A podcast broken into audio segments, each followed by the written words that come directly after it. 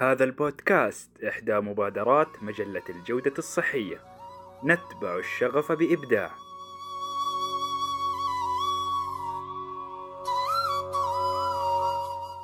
يا أهلا وسهلا بالجميع. معاكم عبد العزيز العمودي أقدم لكم أول بودكاست عربي في مجال الإدارة الصحية بودكاست مشفى. بودكاست مشفى عبارة عن رحلة من الصفر تمتد من تاريخ الحضارات والأمم وإلى أحدث ما استحدث في تخصص إدارة الرعاية الصحية ومجالاتها. وهذا كله ممزوج ومتداخل مع بقية التخصصات الطبية والصحية الأخرى لذلك بودكاست مشفى للجميع وليس مقتصر فقط على الإدارة الصحية. طيب موضوع حلقتنا الثالثة بعنوان مستشفيات وادي السند الهند القديمة. كانت حضارة وادي السند بجانب حضارة مصر وبلاد الرافدين واحدة من ثلاث حضارات مبكرة في الشرق الأدنى وجنوب آسيا وواحدة من الحضارات الثلاث الأكثر انتشارا. اشتهرت بتخطيطها الحضاري والبنية التحتية والبيوت المصنوعة من الطوب ونظم الصرف الصحي المتطورة وشبكات إمداد المياه. تضمنت المناطق الحضارية في حضارة بلاد وادي السند الحمامات العامة والخاصة وتم التخلص من مياه الصرف الصحي من خلال التصريف الجوفي المبني من الطوب بدقة. ويقال أن أول دليل على الصرف الصحي الحضاري كان في حضارة بلاد وادي السند. ويوجد في عدد من المنازل فناء مخصص للغسيل وحوض مخصص للتخلص من النفايات. كان الطب القديم عندهم في طوره الأول خرافي ممزوج بالشعائر الدينية والأساطير التقليدية فبني على الرقى والتعازيم والسحر. وأما الطور الثاني منه فكان بيد البراهمة وهم أفراد الطبقة العليا وهي طبقة الكانوت أو رجال الدين عند الهندوس. فارتقى وكان التشريح أساس طبهم لأنه لم يكن محرم عندهم فتح الجثث. ولهم أعمال جراحية كثيرة لاستخراج الحصاة وقطع البطن والكي بالحديد وبنوا طبهم على مبادئ الهواء والصفارة والبلغم وتعرف عندهم بالأخلاط الأصلية أو الأساسية. وأطباءهم ثماني طبقات ولكل منهم فن خاص به يكون فيه مختصا مثل الطب المصري. وكثيرا ما يعتقدون أن أسباب الأمراض تولد مع الجسم. وتنتج إما عن خطايا أو عن فساد الأخلاط ويعتمدون في تدبير الأمراض على النبض والبول والبراز الله يكرمكم. فيفحصونها ويستدلون منها على أنواعها ولهم في القبالة التوليد براعة وكانت عندهم شبه مستشفيات لها. وقام أطباء الأسنان في وادي السند حيث تقع باكستان والهند الآن بحفر أسنان الناس في محاولة لعلاجهم. بعد أربعة آلاف عام كتب الأطباء في شمال الهند كتاب اسمه أثر في فيدا. وش فكرة هذا الكتاب؟ راح أتكلم عنه بالتفصيل بعد شوية. بشكل عام أوضح الكتاب أن الأرواح الشريرة تسبب الأمراض ويمكن علاج هذا المرض بقتل الروح الشريرة بالسموم أو التعاويذ بشكل عام لم يكن دواؤهم مختلفا كثيرا عن البابلي أو المصري. طيب خلونا نتكلم عن المستشفيات. يشير التراث الحضاري الهندي أن بوذا في القرن السادس قبل الميلاد عين طبيبا لكل عشر قرى وبنى مستشفيات الفقراء والمعاقين جسديا. كما بنى ابنه وباتيسو الملاجئ للمرضى وللنساء الحوامل والفقيرات. ومن أهم المستشفيات في الهند القديمة كانت 18 مستشفى بناها الملك أسوكا وتعتبر هذه المستشفيات تاريخيا على درجة كبيرة من الأهمية لما لها من خصائص شبيهة بخصائص المستشفيات الحديثة هذه الأيام. لقد كانت في هذه المستشفيات تعليمات محددة ومكتوبة لمن يقوم على خدمة المرضى اشتملت على تقديم رعاية حنونة ورقيقة للمرضى، تقديم الفواكه والخضار الطازج، تحضير وتقديم الدواء، وعمل المساجات، والاهتمام بالنظافة الشخصية للقائمين على الخدمة. كما نصت التعليمات الخاصة بالأطباء على الاستحمام اليومي، قص الأظافر والشعر، ارتداء الملابس البيضاء، وتعهد الأطباء باحترام ثقة المرضى فيهم. وقد أتقن الأطباء الهنود الجراحة وعرفوا مختلف الإجراءات الجراحية. ظهرت المؤسسات التي أنشئت خصيصا لرعاية المرضى في وقت مبكر في الهند، وربما تكون الهند هي الجزء الأول من العالم في تطوير نظام عالمي منظم لتوفير الرعاية الطبية على أساس مؤسسي. واستمر نظام المستشفيات العامة حتى سقوط البوذية في الهند. طيب خلونا نرجع الآن لكتاب أثر في فيدا. هو نص مقدس باللغة الهندوسية يعتبر المصدر الطبي الأقدم عندهم. يتضمن الكتاب وصفات أعشاب للأمراض المختلفة. وهناك أيضا الأيور فيدا ويعني علم الحياة معرفة كاملة لإطالة مدى الحياة وهو نظام طبي آخر في الهند. هي منظومة من تعاليم الطب التقليدي التي نشأت في شبه القارة الهندية وانتشرت على مناطق أخرى من العالم كشكل من أشكال الطب البديل. تتكون كلمة أيورفيدا في اللغة السنسكريتية من كلمتي أيوس وتعني حياة وفيدا وتعني علم أو معرفة. وكان للأيورفيدا إله وهو دنفنتاري وكان عندهم دهاترة إله الصحة والسحر وياما إله الموت والعدالة. طبعا هذه في معتقداتهم. وقد تطورت هذه المعرفة الطبية التقليدية عبر أزمان متعاقبة وظلت حتى اليوم منظومة طبية مؤثرة في جنوب آسيا.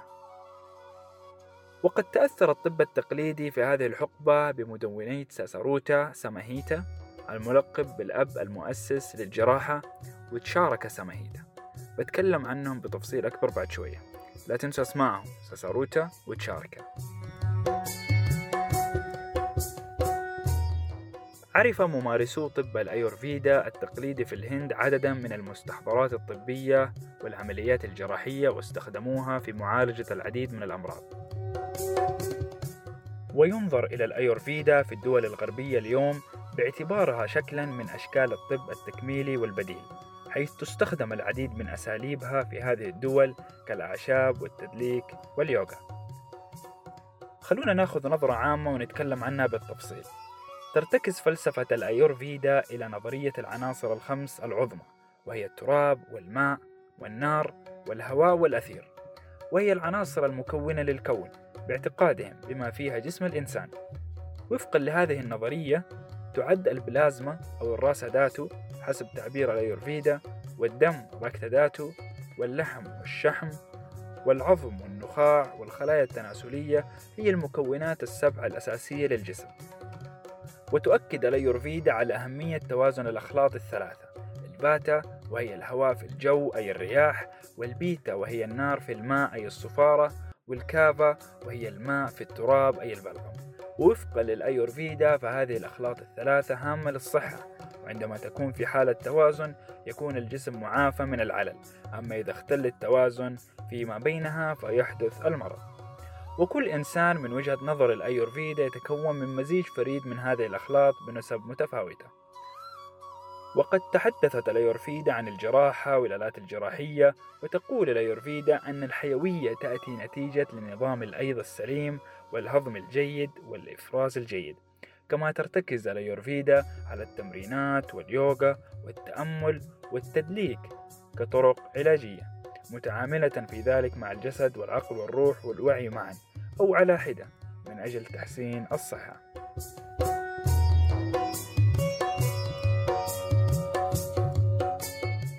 خلونا الآن نرجع لسسروتا وتشاركا. من فلاسفة الهند العظماء الذين قدموا خدمة جليلة للعالم من خلال كتابة الكتب الطبية هم سسروتا وتشاركا ويضاف إليهم شرميندار أو إستانجا هيريدايا. تعتبر هذه الكتب اللي كتبوها من الكتب الرائدة في الهند القديمة.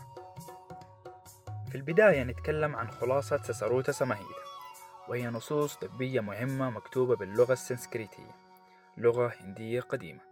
وتعتبر واحدة من أقدم الأعمال الرئيسية المتعلقة بدراسة مفصلة عن الطب والجراحة وكتبت بواسطة ساساروتا يرجح أن تعود القرن السادس قبل الميلاد.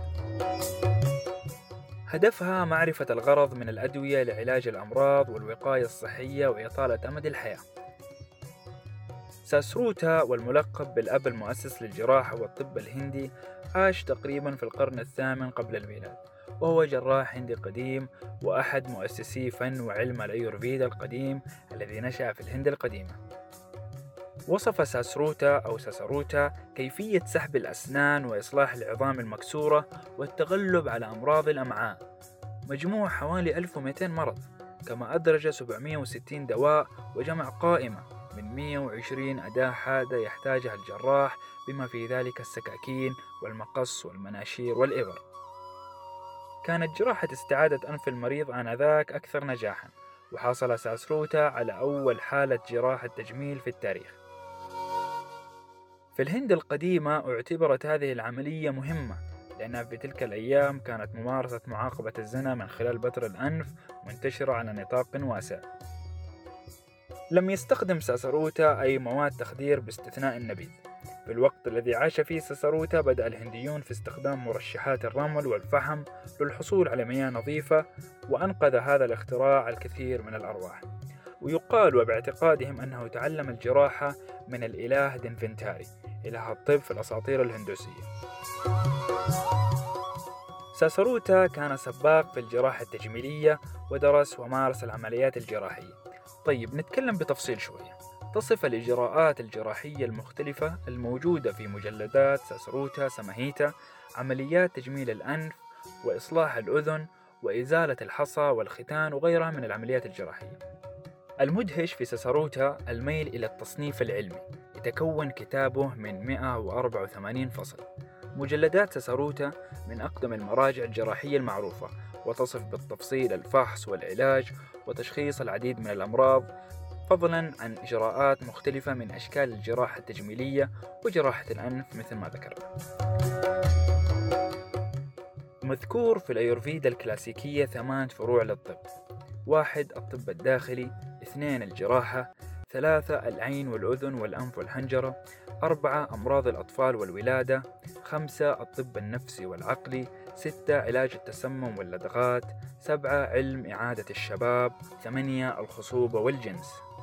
هذه النصوص هي واحدة من النصوص التأسيسية للأيورفيدا الطب التقليدي الهندي بالإضافة لنصوص أخرى وهي نصوص تشارك سماهيتا بكذا انتهينا من ساسروتا. نتكلم الآن عن تشاركا بعد مدة من الزمن توقف الأطباء الهنديون عن لوم الأرواح الشريرة لجميع المشاكل وحل محلها السوائل الجسدية وكتب الطبيب الهندي تشاركا واعترف بأن أفضل طريقة لعلاج العديد من الأمراض هي الوقاية منها. وأوصى تشاركا بالحفاظ على توازن السوائل للبقاء في صحة جيدة. في المجموع هناك ثلاث أنواع من السوائل الصفارة والبلغم والهواء. إذا خرج أحد هذه السوائل عن التوازن فقد أوصى الطبيب القديم بتناول الدواء لإعادة كل شيء إلى حالة الانسجام. كل هذه الخلاصات القديمة تتضمن تفاصيل الفحص والتشخيص والعلاج ونتيجة المرض لأمراض عديدة جدا. بشكل مختصر خلاصة الشاركة تلغي وجود الصحة والمرض وأن يكون الجهد البشري هو الذي يطيل الحياة. ندخل الآن في جزئية جديدة وهي العقاقير والأدوية. لقد اتخذ دواء الهند القديمة طريقة طويلة ولكن الأهم الإنتاجية والشفاء من الأمراض. مع التعاويذ وإيجاد أدوية فعالة حقا إلى العمليات الجراحية الناجحة وعلاج الأوبئة. كان الهنديون قادرين على تنظيم أفضل الممارسات وأكثرها فعالية وتطوير العديد من كليات الطب في وقت واحد وأخذ فكرة علاج الأوبئة الخطيرة إلى مستوى جديد. كان علم العقاقير في يد الكهنة من البراهمة مثل ما ذكرت وقد وجد كتاب هندي قديم اسمه ريجي فيد. ينوه هذا الكتاب على خصائص الأعشاب ويذكر أسماء كثيرة منها ما استورد من الأقطار المجاورة كما يذكر بعض الدعوات والتعاويذ التي تتلى للكثير من الأمراض. الريجيفيد أو ريجيفيدا مجموعة نصوص هندية مقدسة قديمة وتقرأ نصوصها في الصلوات والمناسبات الدينية مما يجعلها إحدى أقدم النصوص الدينية التي ظلت مستعملة. وكان عندهم أسلوب البانش كارما وهي لطرد السموم من الجسم ويشتمل هذا الأسلوب على ثمانية تخصصات فرعية تسمى كل منها أشتانغا وهي الأمراض الباطنة وأمراض الأطفال والجراحة وعلاج أمراض ما فوق الترقوة والمس الشيطاني وهو ما يعادل الطب النفسي طب السموم الوقاية من الأمراض وتحسين المناعة وإعادة الشباب والمنشطات الجنسية وتحسين صحة النسل.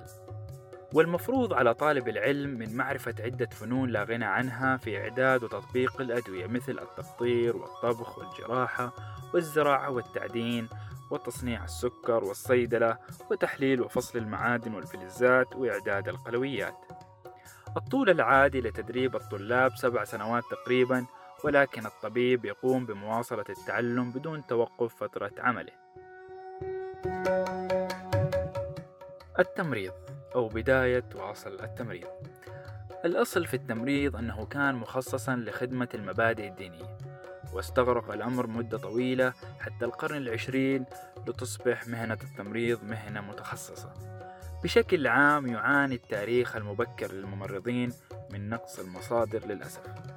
لكن أقام الحاكم الهندي البوذي أشوكا سلسلة من الركائز والتي تضمنت مرسوما يأمر المستشفيات التي سيتم بناؤها على طول طرق المسافرين أن توفر بشكل جيد الأدوات والأدوية وتواجد العقاقير والخضروات ويتم تعيين أطباء ماهرين على حساب الدولة. كل هذا مع ممرضة تكون على دراية وماهرة في إعداد الدواء ومتعاطفة مع الجميع وتكون مهتمة بنظافتها الشخصية. بشكل عام تمتلك الهند تاريخ عظيم في الطب ورعاية المرضى ولذلك وبشكل كبير أن مهنة التمريض بدأت عندهم في الأصل. في النهاية بدأت حضارة وادي السند أو حضارة الهند القديمة أول خطواتها في الاندثار وتحولت تلك الثقافة الأسطورية إلى ثقافات أقل ما يقال عنها أنها ضئيلة وقد أطلق على تلك الثقافات اسم ثقافات هاربا الأخيرة. لم يكن لأصحاب تلك الحضارة سبب في تفككها ولكن ما تسبب في نهاية تلك الحضارة هو جفاف نهر السند ومن ورائه نهر هاكرا. مما أثر على الحياة الزراعية وبالتالي أثر على اقتصاد تلك الحضارة. لم يعد البقاء داخل وادي السند مجيدا وبالتالي فلم يتحمل أهلها ما قد وصلت إليه تلك الحضارة وفكروا في الرحيل. وبرحيلهم بدأت حضارة وادي السند في الاختفاء. مما سبق نرى أن حضارة وادي السند من الحضارات الباقي أثرها في النفوس إلى الآن. فهي قد استجمعت قواها لتصبح من أقوى الحضارات على مر التاريخ. فهي مثال للحضارة الصناعية والزراعية والتجارية والصحية. ورغم نهايتها المحزنة إلى أنها أبت أن تصبح مجرد ذكرى في التاريخ.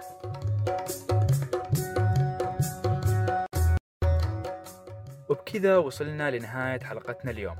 بإذن الله إنها نالت على رضاكم واستحسانكم. لا تنسوا تتابعونا على مواقع التواصل الاجتماعي.